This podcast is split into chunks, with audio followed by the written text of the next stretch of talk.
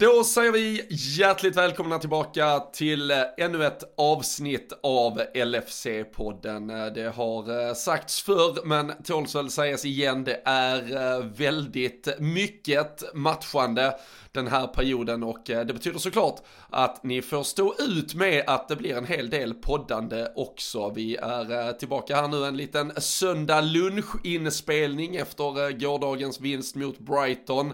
Vi har ju Arsenal som väntar i ligaspelet i en av de här hängmatcherna så att vi ska försöka ta ikapp eh, lite mer på City. Eller just nu är det ju lika många matcher men City spelar ju redan på måndag och sen så spelar vi då på onsdag. Så det är fortfarande en lite haltande tabell. Tre poäng skiljer just nu oss och eh, City åt i toppen. Eh, allt kommer väl att kokas ner till det där mötet som väntar om en dryg månad lagen mellan. Men tills dess så kommer såklart vi återkomma med våra poddar eh, minst eh, en i veckan, ofta två. Och ni håller er uppdaterade på lfc.se i vanlig ordning. Det är ju på supporterklubbens sajt som ni får det senaste hela tiden. Skadeuppdateringar, eh, senast nytt från presskonferenser, kanske kontraktsrykten och annat, det lär vi väl återkomma till. Det har ju varit lite spekulativa dagar de senaste. Så håll er uppdaterade på lfc.se, är ni inte redan medlemmar, bli det. Men som ni vet så gör ni det först efter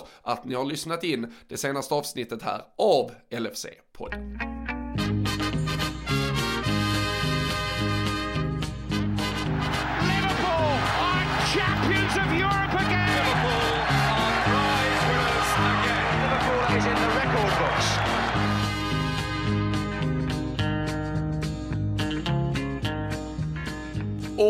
Detta lilla fina söndagsavsnitt som vi spelar in, det ska jag göra tillsammans med Daniel Forsell som eh, jag har hört här innan har det lika bra i Borås som jag har det nere i Skåne. Solen skiner där och det är, eh, ja som sagt, en seger i bagaget från gårdagen. Livet är eh, så glatt det kan bli i dessa såklart lite märkliga tider generellt i världen, men vi ska ju fokusera på det fotbollsmässiga och det som rör Liverpool tänker jag.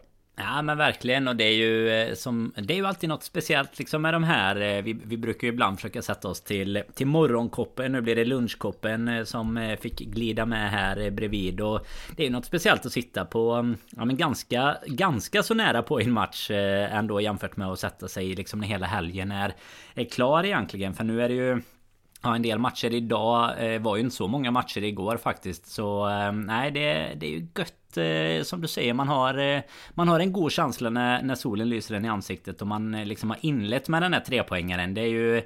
Jag, jag gillar ju inte, jag, jag, säger som Klopp att jag gillar inte de tidiga matcherna annars Men av två helt olika anledningar. För jag tycker också att det är ju Det är alltid så här Det känns så typiskt att man tappar poäng i typ en sån match Och så sitter man sen hela helgen och bara får hoppas att Alla andra liksom också ska tappa. Men om man väl börjar med med en stabil insats så eh, då, ja, men då är ju helgen ganska, ganska lång och skön sen helt enkelt. Och nu, eh, du nämnde ju det som vi har sagt många gånger innan. Nu väntar det ju match igen redan till veckan här så Dessutom Premier League då så att nej nu känner man väl att det är både liksom vår på gång mycket fotboll och sådär och då Då får man ju om man ska bortse från all, all annan skit som händer säga att det är ganska bra med en själv i alla fall.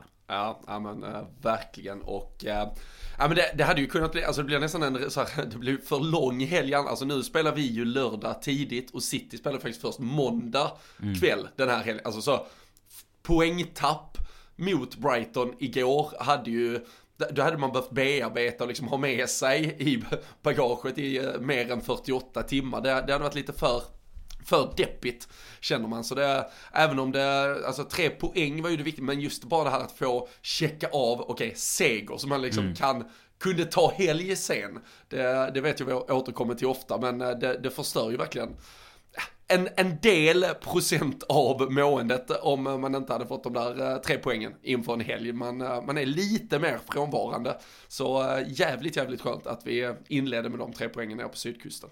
Ja men verkligen. Och framförallt är det ju när som du säger nu handlar det ju egentligen bara om oss och City. Alltså nu är ju Chelsea alltså avsågade ska man absolut inte säga för det är ju samma avstånd som vi hade upp mot City ett tag som vi ju har ätit in nu men jag menar det är ju ändå där alltså sen om man skulle komma två eller trea det är ju inte kanske det som spelar jättestor roll. Så att eh, det, det är ju egentligen bara Citys matcher man nästan kan eh, fokusera på nu. Ut Alltså som, som United Tottenham igår, nu, nu missar jag den överhuvudtaget, men jag hade ju inte suttit och tittat på den och ens tänkt på tabellen under tiden Nej. jag tittar på Alltså det, det har ju inget med med oss att göra så att säga. Så det, alltså det, enda, det är ju verkligen ju... bara vår match och sen när City spelar som är det man behöver bry sig om som ja, Liverpool-supporter. Ja men exakt för jag, jag satt och kikade på den faktiskt det enda man hoppas är ju bara att United ska missa topp 4 liksom. Det är det enda man sitter och, och tycker det är lite Ja men lite så gött när man eh, När eh, Tottenham gör mål sådär sen att eh, de gör 3-2 och Ett hattrick från Ronaldo liksom. Det är ju i, i vanliga fall om man ser det eller de, de flesta dagarna av en supporterliv så har ju det liksom inneburit en katastrof och, och sådär. Men igår var det bara att ja ja det blev Det blev 3-2 nu istället Då får vi väl skratta lite åt Lelle Kings knä istället. Så man har alltid liksom någon och någon att sitta och skratta åt lite när man, eh, när man sitter på toppen. Och som tur är har vi ju inga city... Liksom, det, det, det finns ingen som där som kan sitta och skratta åt oss riktigt. Som vi, som vi känner som tur är bara. Så att eh, skönt eh, på det sättet att det är city man möter i toppen. Men samtidigt så finns ju alltid något charmigt i att det är United eller liksom någon... Ja, att man har några att gnabbas med lite med. För nu blir det ju bara som små liksom så här... Om du tänker en riktigt liten hund typ som gnäller väldigt mycket på ditt ben liksom. Ja men lite så, så är det ju verkligen när, när Spurs och United de eh, håller på här nu. För jag menar det är ju... Vad är United nu? De har väl spelat någon match mer med och ändå typ 15-16 en... poäng back och är, och är ändå topp 4 nu liksom. så det är ja, ju men exakt. De har, ju, de, har, de har spelat en match mer än oss men är 16 poäng bakom. Um, och så har de de ju fjärdeplatsen då bara med två poängs marginal till Arsenal. Men de har alltså fyra matcher mer spelade än Arsenal. Så um, alltså Gunners har ju det. De kan ju när folk lyssnar på detta nu, nu möter de ju Leicester i eftermiddag eller ja, kväll. Uh, och uh, kan ju faktiskt ha gått upp på fjärdeplatsen då till och med med tre matcher i hand mot, uh, mm. mot United. Även om såklart då en är mot oss i veckan som vi, som vi verkligen hoppas att de nollar i. Men äh, det känns ju som att fjärdeplatsen ändå är i är i Arsenals äh, händer just nu. Så äh, ja. det äh, skulle jag väl tro och tippa om man hade behövt göra det idag. Att det ändå blir Arsenal som faktiskt tar den där fjärdeplatsen. United har ju också ett äh, rätt så tufft schema. De har ju, de har ju kvar att möta oss bland annat och, äh, och ett par matcher till. Det var ju ganska mediokra lag här över, över vintern och, eh, och en bit in på, på det nya året som de tappade poäng mot var varannan vecka. Så de äh, Nej, det, känslan är uh, här nerifrån i alla fall att det blir uh, Arsenal som tar fjärdeplatsen. Men uh, säger spåkulan där uppe i Borås, något annat? Nej men inte alltså just nu med som du säger med när de har liksom de här eh, tre matcherna egentligen som det blir på de flesta och fyra på United så um, de, de har ju också kommit igång mycket bättre än vad de gjorde i början på säsongen. Så vi, vi ska väl sätta lite käppar i hjulet här i veckan. Men i övrigt så just hängmatcherna är väl i och för sig också mot, det är väl någon mot Chelsea där för att de var på klubblags-VM och sådär. Så det är inga enkla, det är liksom hängmatcherna är ju inte enkla om man säger så. Men eh, bara det att de har 13 matcher kvar istället för eh, liksom Uniteds 9 då. Det gör ju det gör ju ändå att de måste ses som favoriter där. Sen är det ju häng på både West Ham och Spurs och Wolverhampton delvis också. Men det är ju ändå... Det är ju lag som är liksom ett hack ner i kurvan. Alltså West Ham till exempel. Det hade ju varit som en, en supersensation. Eller nu kanske jag tar i lite med superlativen. Men alltså där, de eller Wolves hade ju ändå varit eh, otroligt om de hade lyckats komma topp 4. Så att... Eh, nej, Uniteds plats att förlora på ett sätt tycker jag. Men ändå, ändå Arsenal som på något sätt har det i egna händer så. Sen... Eh, jag tänker när vi ändå är inne lite på tabelläget. Vi kan väl också, ska vi, ska vi banka in nu då att det blir eh, nu när Burnley tappar sent igår. Där när Tony vaknar upp igen, den gamla FPL-kungen. Eh, kan, vi, kan vi knacka in nu att det är Burnley, Watford och Norwich som spelar Championship? Eller tror du att Everton fortfarande har en liten risk och att Lampard kan skicka ner dem till eh, andra liga nästa säsong? Nej, tyvärr, eh, tyvärr fick de lite för mycket hjälp här nu. Nu är det ju de har ju en poängs marginal till, till Burnley med två matcher mindre spelade. Uh, och samma sak där då, oavsett nästan vilka du möter så, så har du ändå lite fler uh, dörrar ut så att säga för, för att lösa de där poängen. Så jag, jag tror väl också, alltså jag, jag har absolut trott hela tiden att Everton ska klara, men där är ju en form som är som är sämre än vad, vad man liksom vill tro. Alltså det är otroligt dåligt. De har 22 poäng på, alltså det, det, är, det är så otroligt, otroligt dåligt.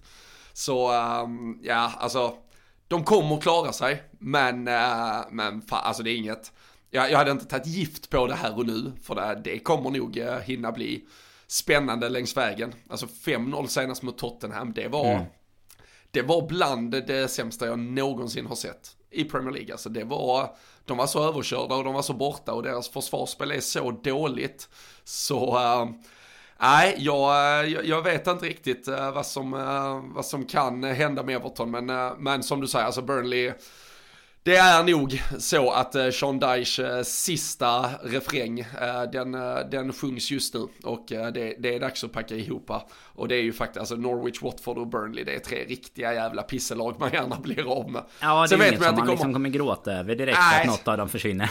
Nej, sen vet man att det kommer komma upp likadana jävla pisselag som man kommer att störa sig lika mycket på nästa säsong. Men nej, det, det, det får väl, och och det är ju lite så här, jag vet inte var, var du står i den ringhörnan, men Vissa Liverpool-supportrar är väl så här, ja man vill att det ska gå skitdåligt för Everton, men man vill ändå ha dem kvar för att ha typ derbyna. Jag, jag tror att det, det, har man väl en större känsla för kanske om man är, om man säger lokal supporter och, och har det vardagliga gnabbet hela tiden. Vi, vi är ju inte uppväxta med att ha någon som tuggar om Everton, äh, lite som vi var inne på inledningsvis med, med City och andra lag runt omkring en.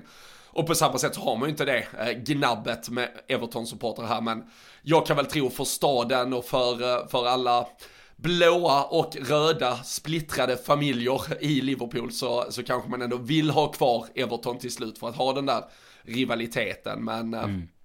det är ett wake-up call för dem, får man ju hoppas. Jag såg något, vad var det, de senaste sex eller sju åren så har de alltså topp 10 netspend i hela Europa och ja. är så här dåliga. Det är världsrekord i eh, misskött fotbollsklubb faktiskt. Eh, ur, ur hur man har drivit det sportsligt får man ändå konstatera. Ja men det är ju många gånger som de ändå har eh, liksom varit på förhand så här, bara, nu, nu kommer det lossna för nu har de värvat eh, riktigt bra här och sådär och så, och så går det åt eh, helvete liksom och nu jag kollar snabbt här de har ju en seger på senaste tio det var ju den de vann ju mot Leeds där i här i början på februari var det väl. Det kom lite från ingenstans. En 3-0 seger liksom. Annars är det en, ett kryss mot Chelsea och så är det åtta förluster i, i ligan. Sen är det ju några fa segrar däremellan. Men jag tror väl om, som du säger, jag snackade faktiskt med några om det när vi var i, i London här. Härom sisten som man säger. Eh, och frågar dem lite bara vad vad de tyckte när man stod där på, på Greenman med en eh, öl i, i var hand liksom. Och då var det väl lite blandat kändes som. För att vissa är ju så här bara ren rivalitet. Nej, så jävla roligt om de åker ner så slipper vi dem. Alltså britter var detta nu då. Och sen eh, medan den andra tyckte typ att nej men det är ju ganska roligt med derbyna och sådär.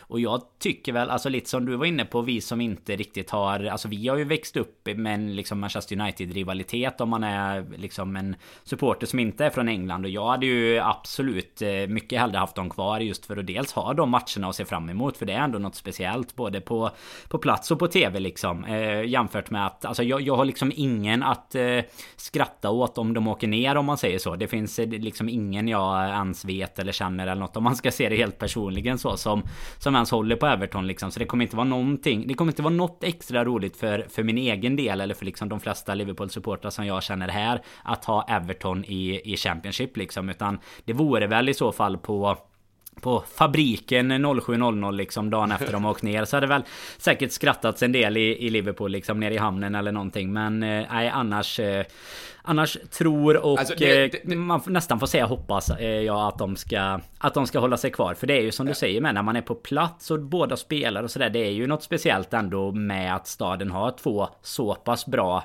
fotbollslag ändå. Det, det är det ju Ja, det som, eh, det som ändå gör tanken lite kittlande nu är ju att det är Frank Lampard Absolut. Som, är, som är tränare.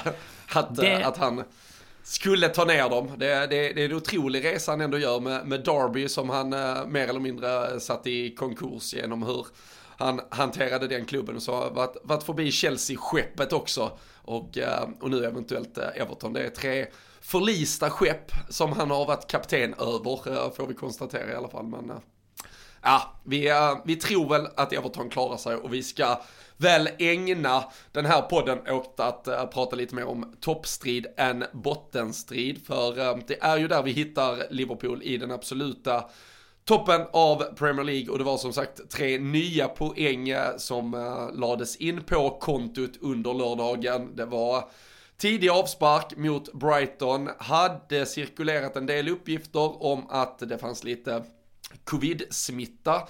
Återigen i eh, Liverpool-lägret, eh, några dagar innan match så såg vi varken van Dijk eller Thiago i träning, då hann man bli lite nervös över det. Men uh, spelarna var tillgängliga och uh, månadens spelare för februari, Danne, Joel Matip. Han uh, gick såklart också in i startelvan och det var han som dessutom assisterade fram till 1-0 målet. Uh, det var det var ett Liverpool som inte riktigt var med i första tio minuterna kändes det som, men sen blev det lite walk in the park när väl målet kom och det kändes som att Brighton inte hittade någon riktig väg in i detta.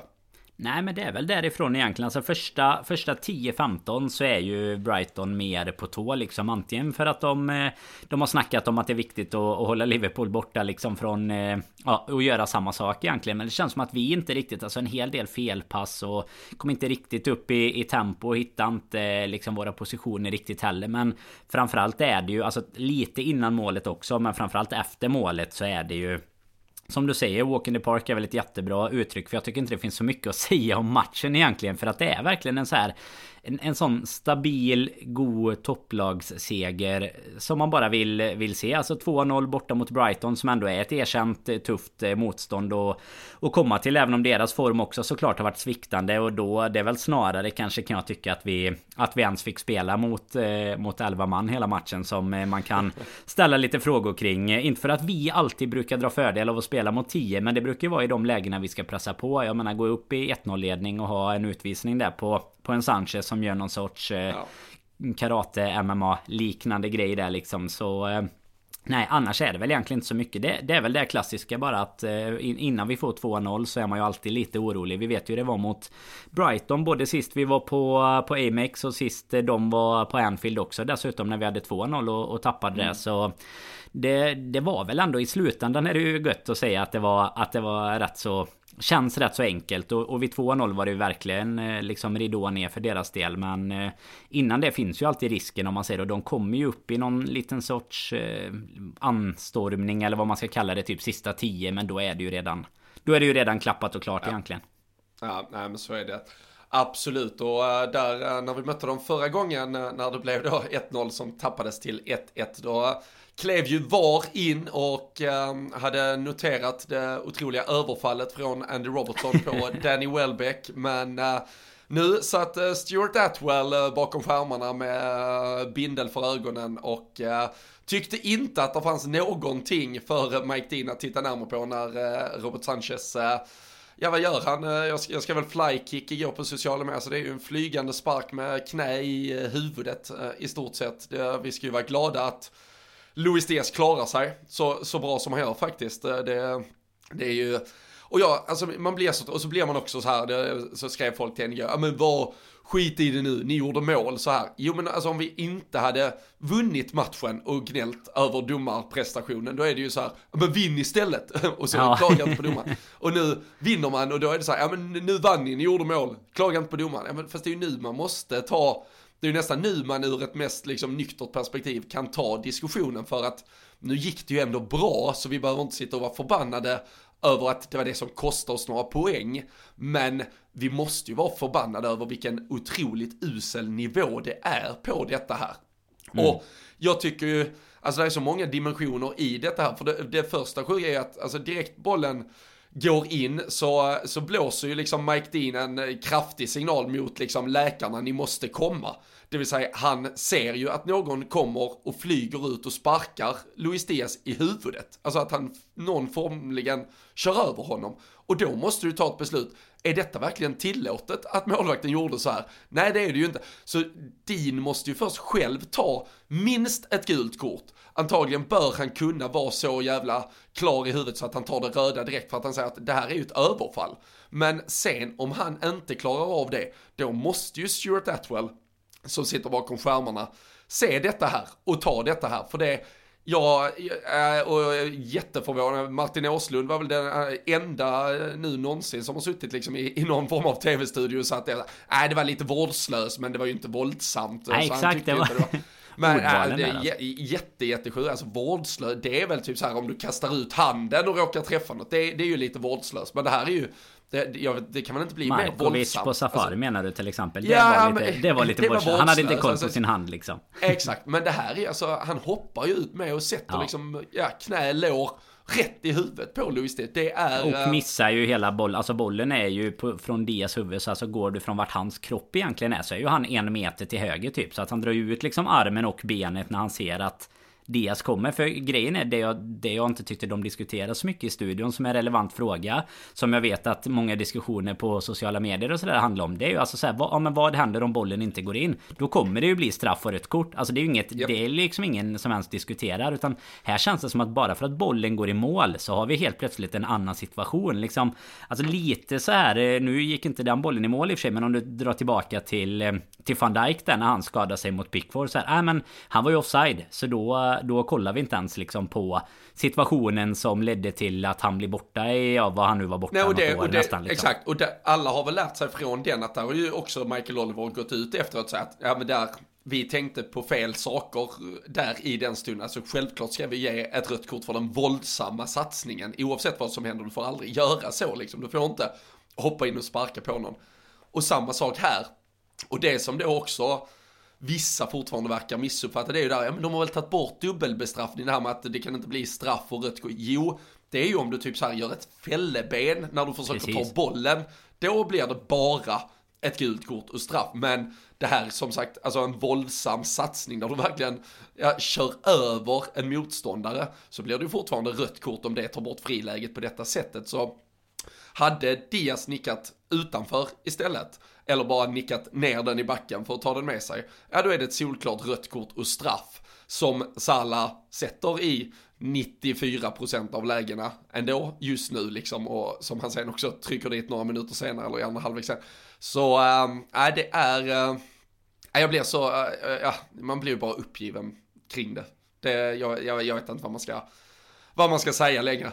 Och det var någon, eh, jag, jag hoppas det var på skoj, alltså jag, jag såg bara någon tweet om det, men tydligen hade Stuart Atwell inte kunnat hitta en liksom clear and obvious eh, bildframe på att han blir sparkad i huvudet så därför kunna, men alltså det, det hittar ju för fan folk på sociala medier på två sekunder liksom. Vad, vad är det då för system ni sitter med? Så det... Men det låter lite som när City, så hans där mot Everton ju så här att det inte var, du vet, det, det fanns inte bilder ja. nog från alla. Men så har man själv sett bilderna från åtta olika vinklar så då undrar man så här, vad sitter ni med där inne i Nej, liksom? Det, det är helt andra kameror där ja. inne. Nej men det var väl, det var ju tur som du säger i alla fall om man ska gå vidare från det att Diaz i alla fall. Man blir ju lite orolig också att så här, ja nu nu är det någon hjärnskakning eller liksom någonting. Men han... Eh, nej, fy fan vilken eh, ja, spelare kände... alltså. alltså. Ja, ja verkligen. Och bara för att... Det, för det här kändes mer som en sån här nästan så här, du vet, svälja tungan-grej eller något så här. Alltså verkligen bara smack huvud. Alltså så här whiplash-grej i, i huvudet. Så det... Nej, det såg ju riktigt jävla läskigt ut men...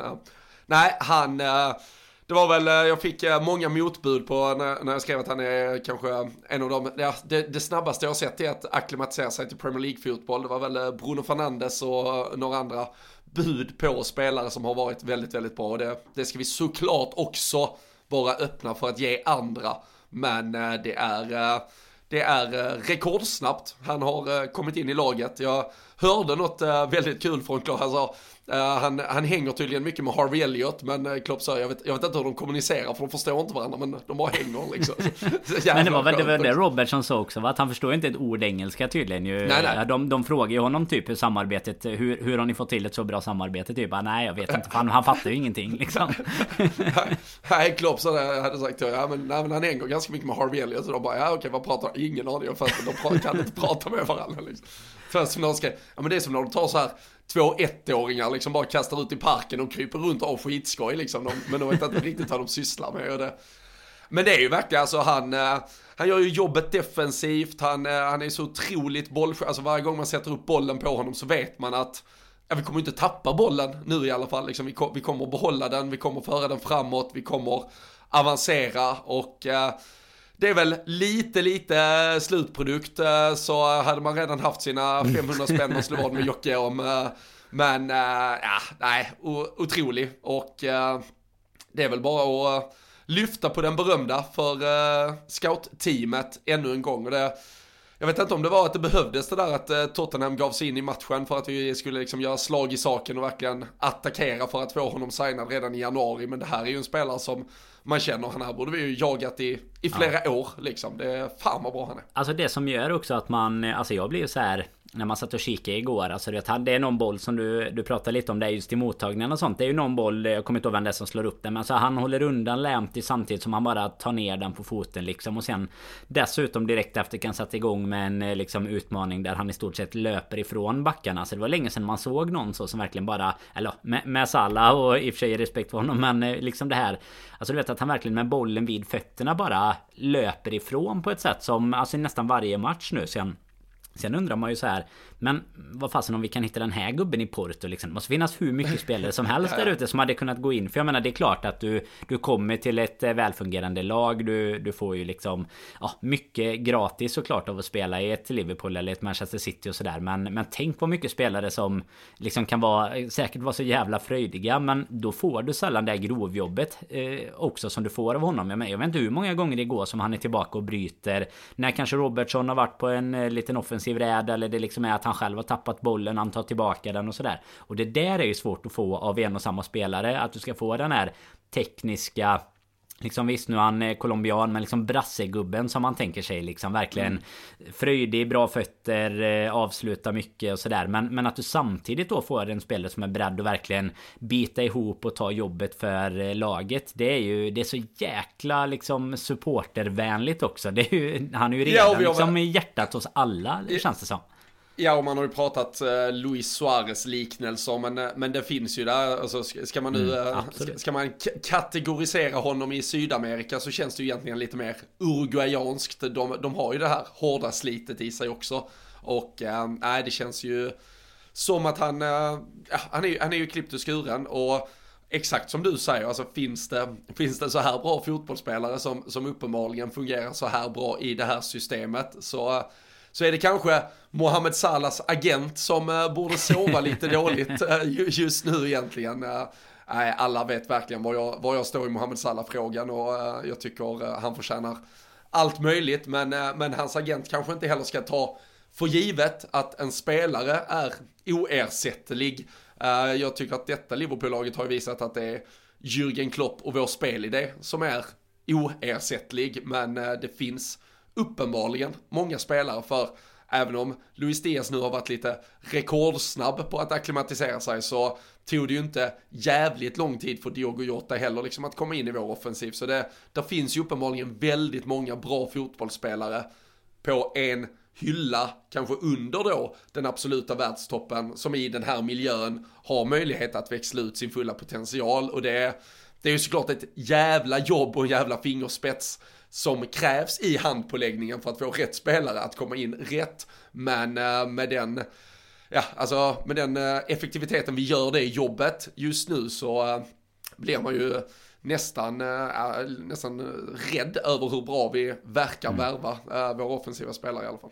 Nej men sen är det också, jag tycker om man går in på Salah-spåret där lite Det är ju ingen som har missat att det är kontraktsförhandlingar Eller att det inte är snarare kanske är kontraktsförhandlingar som, som ta, pågår eller som strandar liksom. Ja, tar du, tar du lite su, sammanfattningen? Super-recapat men äh, det var ju då under fredagen på presskonferensen inför Brighton Där, där frågan kom på tal kring Salahs kontrakt och just med faktiskt den bryggan att, äh, men är eh, Luis Diaz, är det den typen av spelare Liverpool måste värva för att Mohamed Salah ska känna att Liverpool satsar på att liksom slåss på alla fronter, äh, hela tiden utveckla och förbättra sitt lag och är det det som krävs för att han ska skriva nytt kontrakt och då då sa ju Klopp att nej, men han, han, han har fått våra bud, vi tror och vet väl egentligen att han vill stanna, men bollen ligger typ hos, hos Salah. Vi, vi har gjort vad vi kan och den, den ligger hos honom. Och därefter så, så kom ju då den här tweeten först från hans agent med de eh, skrattande emojisarna som att ja, det där är bara bullshit, typ att eh, Klopp antingen att Klopp bara hittar på att bollen ligger hos Salah som att nej den ligger ju hos er, alltså det är ju ni som inte levererar eller att ja det, det erbjudandet ni har gett är ju så jävla pissdåligt så det fattar ni väl att han aldrig kommer att acceptera. Typ. Och sen tog det ju bara några timmar så hade ju Fabrizio Romano plötsligt hur mycket inside info som helst. Så då vet man ju att då har ju DM-konversationerna på Twitter gått snabbt där. Eller WhatsApp-grupperna som har eh, brunnit lite där det planterades ut att nej, eh, kontraktsförhandlingarna har brutit samman sedan december. Det, det finns liksom inget nytt konkret bud från Liverpool. Salah är intresserad men vet vad han är värd och förtjänar väldigt mycket mer än det Liverpool har bjudit och eh, tills vidare så ja, så, så är det liksom i limbo. Vi vet inte riktigt vad som händer. Så eh, nu, eh, nu går man nervösa eh, månader till mötes, för det, det är ju snart bara ett år kvar på det där kontraktet också. ja men jajamän, och alltså grejen, det som jag det som jag främst tänkt på också är ju att ju, ju bättre bättre vi spelar. Nu klarar vi oss eh, uppenbarligen både utan honom och man är under, under Afghan där. Nu är ju det en begränsad tid såklart. Men jag menar ju...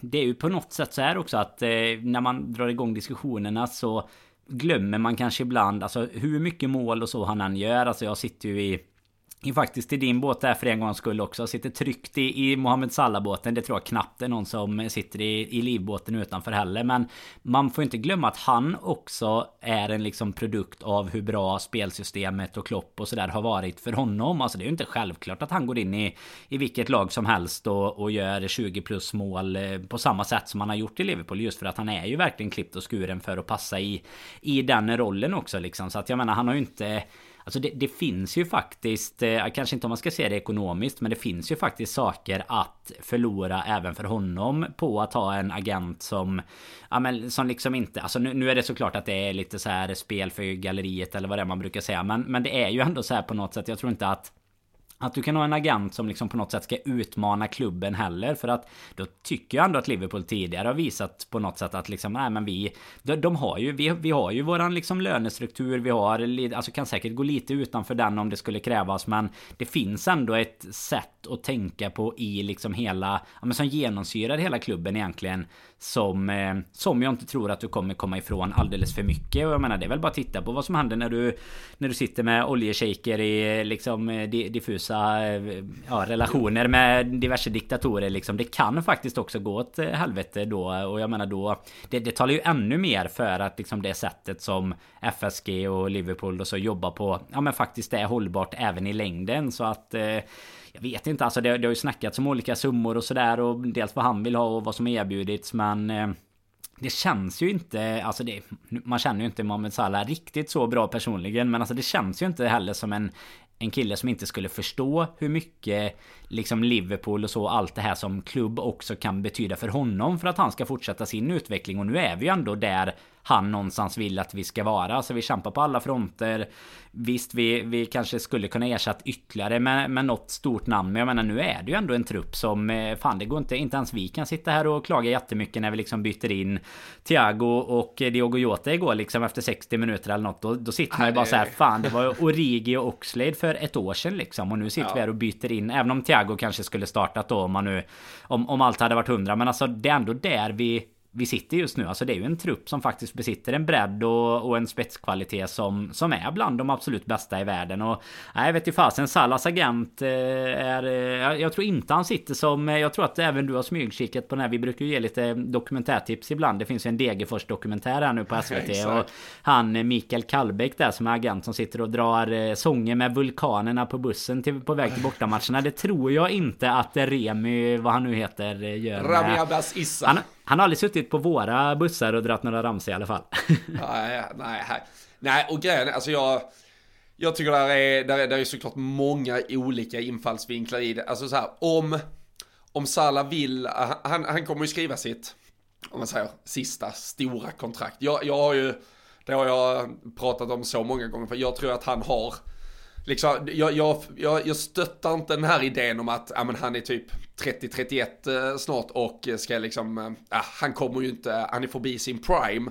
För vi ser hur, hur mycket han tränar, vi ser hur han verkar och känns som han redan, eller just nu, blir bättre dag för dag och liksom håller alltid en fysisk, ja men otrolig nivå, så, så det tror jag inte man behöver vara rädd för. Vi såg, vi såg i veckan hur eh, Karim Benzema och Luka Modric var bäst på en Champions League-plan och de är väl 35 och 36 eller någonting Ronaldo, båda två. Ronaldo igår liksom. Ja, 37, men till exempel. 37-åringen. Ja. ja, men det, det, så det, det är nya tider för det, så det tycker jag inte man ska eh, ta med i, i beräkningen, utan han är en av världens bästa fotbollsspelare och förtjänar därmed också en, en lön som, oavsett vad man tycker om rimligheten i den, men om det är att han vill ha ungefär samma pengar som Kevin De Bruyne så, så förstår jag det. Och jag tycker att Liverpool ska i alla fall göra allt i sin makt för att försöka erbjuda det.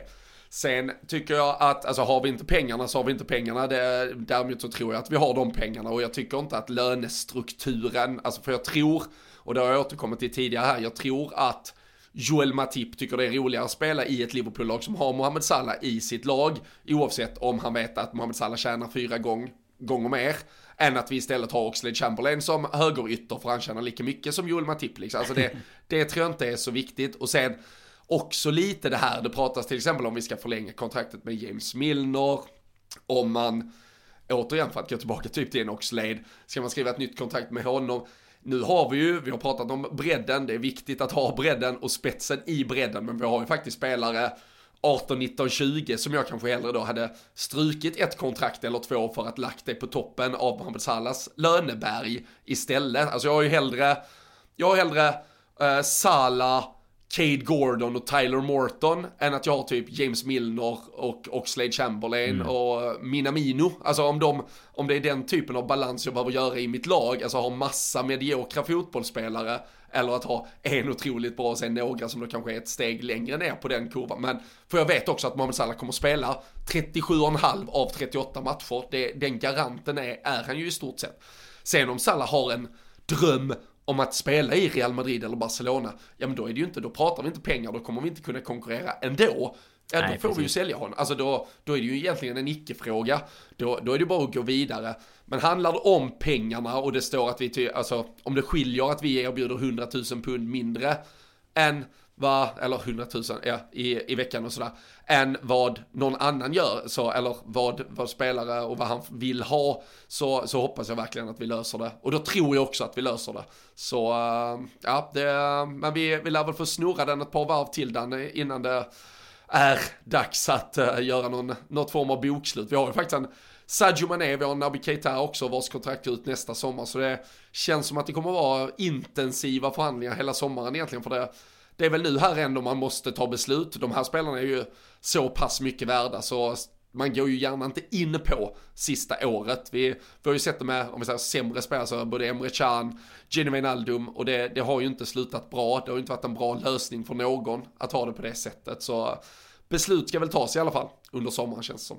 Ja men absolut, sen vill man ju inte ha för många Alltså tar man utöver Salah nu att det är några till så vill man ju inte ha för många på ett bräde heller liksom. Där det, man har ju sett eh, det förr att det också kan vara svårare att ta sig igenom någon sorts eh, generationsväxling i, i klubben med. Om man tappar spelare som man har byggt mycket kring. Men eh, nej, det får vi väl hoppas att eh, att det är klart senast här i, ja men egentligen så fort säsongen är slut kanske. Eller gärna tidigare såklart. Men eh, det känns ju inte baserat på det vi har varit med om nu. Det, att, det, att det är jättenära. Men sen eh, pågår det ju såklart arbete som, som man inte ser heller. Det, det twittras ju inte utan anledning såklart. Nej, John Henry kommer väl snart att fråga vad Rami Abasissa smokes over there eller någonting. det hade man ju inte, den tweeten hade man ju inte hatat tillbaka, tillbaka där till på hans skratt-tweet. Bara vad, vad fan röker du? nej, det hade varit bra.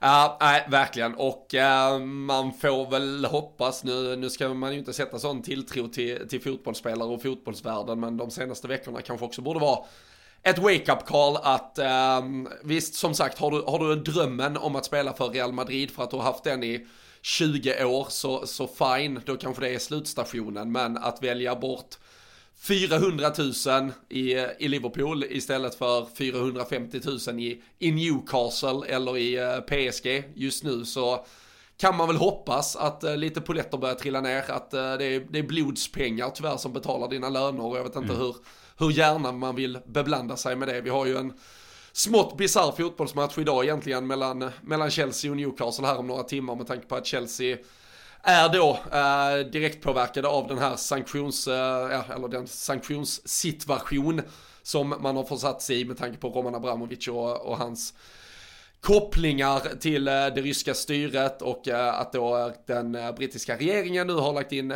fulla sanktioner mot honom, vilket i sin tur har en direkt påverkan på Chelsea som är till 100%, det var någon som skrev till mig, men är det rätt att klubben drabbas? Ja men de ägs ju faktiskt till 100% av, mm. jag var inte ens riktigt säker om det var liksom till 100% men det, de ägdes till 100% av privatpersonen Roman Abramovic. Då har du faktiskt lagt alla dina ägg i samma korg och då, då är du i den här situationen.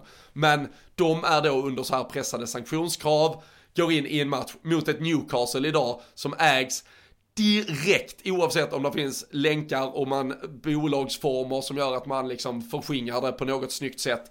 Direkt i anknytning till den absoluta saudiska, liksom, det, det saudiska styret i Saudiarabien som igår hade en massavrättning av 81 personer för att man tycker att det är jävligt trevligt med dödsstraff fortfarande. Till exempel, man bedriver ett krig i Jemen och eh, massa jävla sjuka saker därtill. Och det är liksom helt okej, okay. det ser vi blint på. Så um, ja, jag vet, man, man hoppas ju bara att både fotbollsfans, styrande inom fotbollen och i slutändan också spelarna börjar rannsaka sig själv. Vill mm. man sitta som Thomas Tuchel har behövt göra på presskonferenserna? Vill man sitta som Eddie Howe och inte veta vad fan man ska svara för att man är en jävla pinsam figur som uppenbarligen inte har någon jävla koll? Vill man vara en representant för ett lag som är bara ett stort jävla sportswashing-projekt? Fine, var det. Men alltså, ja, jag hoppas att folk börjar tänka till en extra gång. Och, och då kan man ju hoppas att klubbar som bedriver en lite mer sund verksamhet åtminstone kanske inte ska behöva tappa sina bästa spelare på grund av att det står något dollartecken hit och dit mer eller mindre. Uh, och att det är lite andra värden som uh, börjar spela roll. Mm. men som sagt, det är kanske, det är kanske en utopi, jag vet inte. Men eh, det känns ju mer aktualiserat än någonsin att även spelarna börjar tänka lite på i alla fall vad fan det är som betalar deras löner. Ja, så alltså det värsta är ju att det har gått så långt redan. Du, du nämner att det eventuellt är en utopi och det är det ju kanske för att man redan har tagit det så så långt in i fotbollen. Jag menar just när det blev Tuchel verkar ju inte ha några problem. Han satt ju PSG innan så att eh, det, han, han är väl främste PR-man för de här. Han kan väl ta City här om, om Pep ska vidare sen eller ja fy fasen alltså. Men eh, alltså just grejen. Det är, så, det är så svårt att nämna att det ska vara något eh, något positivt som kommer ut, alltså bara för att man har ett sämre ordval. Ja, men, ja, ja, men, du, du det, förstår jag, jag, vad jag, jag menar. Men, alla förstår. Och, ja, det, det positiva som skulle kunna komma av det här, för jag menar det blir ju så här alltså verkligen, det, det blir så fel också bara riktade kanske om man tittar på Chelsea och Roman liksom och så tänker man bara hur mycket dödsfall och sånt som ligger till du vet Saudi och allt det här. Men, men tittar man nu isolerat på Chelsea då så kan jag ju dels tycka att det är absolut att klubben också ska ha sanktioner för det är väl lätt att säga nej men det är ju inte fansens fel och det är inte, inte klubbens klubbens fel. Men det är det ju för att det har varit jävligt bra så länge allt har gått bra liksom. Så jag menar det, det kan jag inte tycka att man kan gömma sig bakom. Och sen är det väl det positiva som jag nämner. Det är väl att ändå frågan. Nu lyfts ju den ändå verkligen aktualiseras. Förhoppningsvis då som du säger både för spelare. Den aktualiseras för fans. Alltså så här ska vi... Nu kan inte fansen jättemycket säga ja eller nej. Men det är ändå sådär. Ska vi verkligen låta våran klubb hamna hos en rysk eh, oligark liksom som ska styra det här själv. Och jag menar det som jag sa innan, alltså om det när det gick bra så var det aldrig någon som tyckte att det var ett problem eh, mer än alla som inte höll på Chelsea. Men jag menar nu kanske man ändå då får någonstans liksom sätta ner fötterna även de som inte bara är liksom som vi supportrar som sitter långt ifrån utan jag tänker även alla, ja men du vet de som är lite närmare klubben de kanske också förstår att ska vi till exempel eh, sälja Chelsea nu så kanske vi får tänka oss för lite. Vi kanske inte bara kan sälja till en motsvarande liksom i ja, men typ Mellanöstern eller alltså, utan att det verkligen får finnas något bakom som eh, ja, men som typ ett FSG om man nu ändå nu har vi nu har vi liksom slått på stora trumman för dem här några gånger men det, det får man ju faktiskt göra när det är just sådana här saker känns det som eh, då då drivs ju då, då verkar ju klubben helt plötsligt väldigt eh, frisk om man jämför med med typ jo, då Chelsea och så vidare. Ja, och jag tycker också det, jag tycker det är viktigt i sammanhangen att skilja på. Alltså jag, jag jag skulle aldrig liksom lägga någon eh, så här, alltså på fansen eller på spelare som är i en, alltså de, de styr inte att man blir uppköpt, alltså för uppenbar, så, så fungerar inte det. Det är inte medlemsägda föreningar som, eh, som, som säljs till högstbjudande och medlemmarna står bakom de här besluten. Men däremot är du en spelare eller tränare idag som, som väljer, alltså från och med nu har ett vägval att gå till en klubb, alltså är du redan i en klubb så tycker jag det blir, det blir svårt att ge dig själv. Alltså det är inte så här, du kan inte bara riva ditt kontrakt och sticka på grund av vad som händer på ägarfronten kanske. Det, det hade jag, nu pratar vi verkligen en utopi liksom. men, men däremot så kan du faktiskt, och där, där tycker jag, jag tycker det har blivit lite för, alltså Thomas Tuchel hade ju ett vredesutbrott där på någon presskonferens och Eddie Howe som sagt som satt och snirklade sig, han ville ju först inte prata om Chelsea utan han ville ju bara prata om det fotboll och han ville bara prata om sin egen klubb sa han och sen sa de ja okej okay, men ni ägs ju av Saudi och vad tycker du om det? Nej jag vill bara prata om fotbollen och sådär. Han har ju faktiskt rekryterats in i det här projektet, alltså mm. han har ju verkligen handplockats av de här människorna för att vara representant för klubben. Då tycker jag faktiskt att det ligger, ligger på dig att kunna föra talan att du, du valde detta fast att du vet allt detta, då, då måste du faktiskt kunna stå på det. Du måste kunna, sen kan du kanske förklara dig och du kanske inte har problem med det, men då får du fan vara öppen med det i alla fall. Mm. Och lite så tycker jag ju med alla spelare som, ja men skriver du på för Newcastle nu, då kan du inte sen säga att ja men jag, jag är bara här för det fotbollsmässiga, för det, nej det är du alltså du, du, är, du är betald av, av samma människor som gör den här jävla skiten. Så du är faktiskt, du har valt att representera detta. Och äh, ja, som sagt, vi Får väl se vilka vägar det för oss ut på. Det, var det blir ju spännande ett, att se nu ändå vad som händer med Chelsea liksom. Det är ju alltså det, det är ju inte roligt som du säger alltså för supporter och sådär. Men det är ju ändå alltså sitta så här när man har liksom fått det emot sig. Det var som jag såg något eh, någon Liverpool-supporter skrev så här i typ när Roman hade tagit över så stod fansen och viftade så här 20 pundare mot dem liksom. Du vet så här, de, då känner man ju ganska så här fan det ska bli kul att se vad, vad som ändå händer med klubben. Det blir väl antagligen någon försäljning av något slag. Men nu blir det ju liksom Ryanair ner till Lill och alltså lite sån här. Det, det, finns ju rätt mycket roliga delar i, eh, i de här sanktionerna som man ändå kan, kan få tillåta sig och ha lite eh, kul åt också tycker jag. Ja, ja, vi får se. 20 000 pund eh, är de väl, eh, har de väl fått restriktion om att hålla sin eh, resebudget till för, för varje match. För då, Han du som har våra resebudgetar vet ju att man kommer inte långt på det. nej, nej, nej, nej, nej, nej. Och då, då, har ju Uefa har ju faktiskt krav på det. Det är lite så här covid-bubblekrav som lever kvar. Att du måste åka chartrat för du får inte träffa massa andra människor längs vägen. Och du måste dessutom komma dit 24 timmar innan så du måste ju ofta ha minst två hotellnätter. Så chartrat till Frankrike och två hotellnätter för 200 eh, 000 på, på ett helt lag. Det, det blir inte så jävla lyxigt. Det blir nog bussen, Dover, Calais, och sen äh, sätta sig på någon travel lodge eller någonting. Två nätter, det är fan fint ändå. Det, Sitter med fans. Det, om, om de bara hade fått suttit med fans. Men nu fick de inte det för den här bubblan som du sa då. Men annars hade de ju bara kunnat åka med någon supporterbuss eh, som ändå ska gå liksom. Det är ju inga de kanske sitter med Rami Abbas Issa på bussen med honom. ja, Nej, vi får se vart det blir. Eh, sidospår blev det, tre poäng blev det till Liverpool i alla fall. Eh, det, det var där vi började och det är väl det vi får konstatera och sluta med. Eh, det är Arsenal som väntar på onsdag, Danne, det nämnde vi i förbifarten också. De spelar ikväll mot Leicester så då får man väl en ytterligare fingervisning på om den här fina formen de har haft på senare tid håller i sig, vilka spelare vi mest ska se upp med. Diogo Jota brukar ju trivas mot Arsenal. Han har ju inte fått en riktigt ordinarie plats längre nu i den här fronttrion som har blivit kryddad med Luis Diaz, men eh, har vi några tidiga tankar kring en eventuell eh, startelva, några byten att göra i vår elva inför onsdagens match på Emirates. Sen är det ju cupmatch, FA-cupen, därefter och sen är det landslagsuppehåll. Så det känns väl ändå som det är sista tömning på alla ordinarie spelare ändå. Det vi brukar kalla en bästa elva på onsdag i alla fall. Ja men absolut. Jag hade nog valt att behålla laget som det var. Förutom att jag hade tagit in en Thiago mot en Keita egentligen. Annars är jag ganska nöjd med med startelvan som den var i, igår. Jag hade kunnat tänka mig Diaz eh, framför Jota om det är de två man, man väljer mellan. Nu är såklart en Firmino tillbaka men jag tycker ändå att eh, Salah, Mané, Diaz. Eh, det skapas mycket och det är spännande, det är fart. Eh, så eh, det ser jag gärna mot Arsenal. Och de hade ju faktiskt en rätt bra form eh, även när vi skulle möta dem i kuppen sist. Och då, då gick det ju bra till slut ändå. Nu kommer de väl in med, jag tror att det är fyra eller fem raka här. Beroende på hur det går i, ikväll då såklart. Ikväll. Men eh, det får väl hoppas att Brandon gör, gör jobbet så de är lite stukade inför onsdagen i alla fall. Och Salah gick ju av eh, lite ja. skadad men eh, Klopp, eh, i alla fall de första indikationerna var att det väl var ganska lugnt. Samtidigt så sa han nu, nu satt ju jag också och hylla honom som ett fysiskt praktexemplar. Men eh, så Klopp sa ju det, det är aldrig bra när, när Salah sätter sig, för det, det vet man att han egentligen aldrig gör. Men eh, han linkade ju ändå av och de stod och snackade lite vid sidlinjen när han gick av och det kändes som att det var väl safety first. Jag eh, skulle nog ändå kunna lobba upp alternativet att eh, Jota startar istället för Mané. Eh, Mané har ju inte vilat eh, alls eh, egentligen i de här, om vi säger, ordinarie matcherna. Jag tycker att eh, senaste, både mot Inter och, och igår, så, så har han ändå haft det lite tuffare än, eh, än övriga där framme. Så Diogo Jota kanske in där. Jag hade ju tagit in uh, Thiago istället för Henderson också. Uh, istället för att byta ut Keita. Men det, det är väl hugget som stucket och det, det är väl mer troligt att det blir istället för Keita, absolut. Men uh, Henderson uh, tyckte jag hade det lite halvjobbigt nu senast också. Slog bort ett par.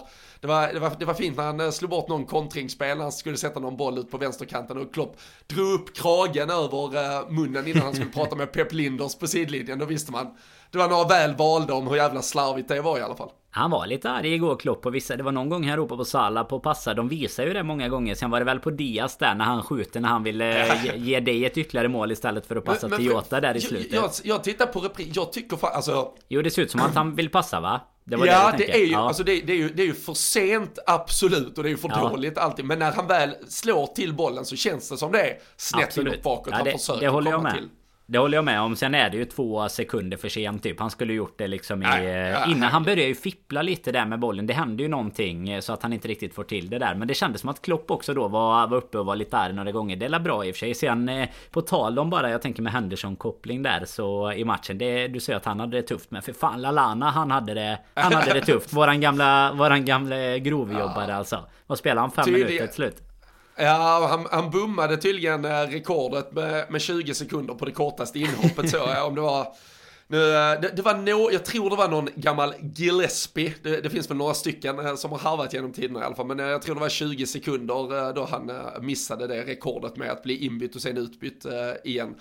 Det finns ju några rekordsnabba röda kort, vi nämnde ju Steven Gerrard senast i, i förra avsnittet till exempel, men just inbytt, utbytt eh, på grund av att du inte kan fullfölja matchen. Det, det var tydligen den näst kortaste tiden på plan och det Tyvärr så summerar det väl väldigt mycket av det man har sett hos David Lalana höll jag på att säga.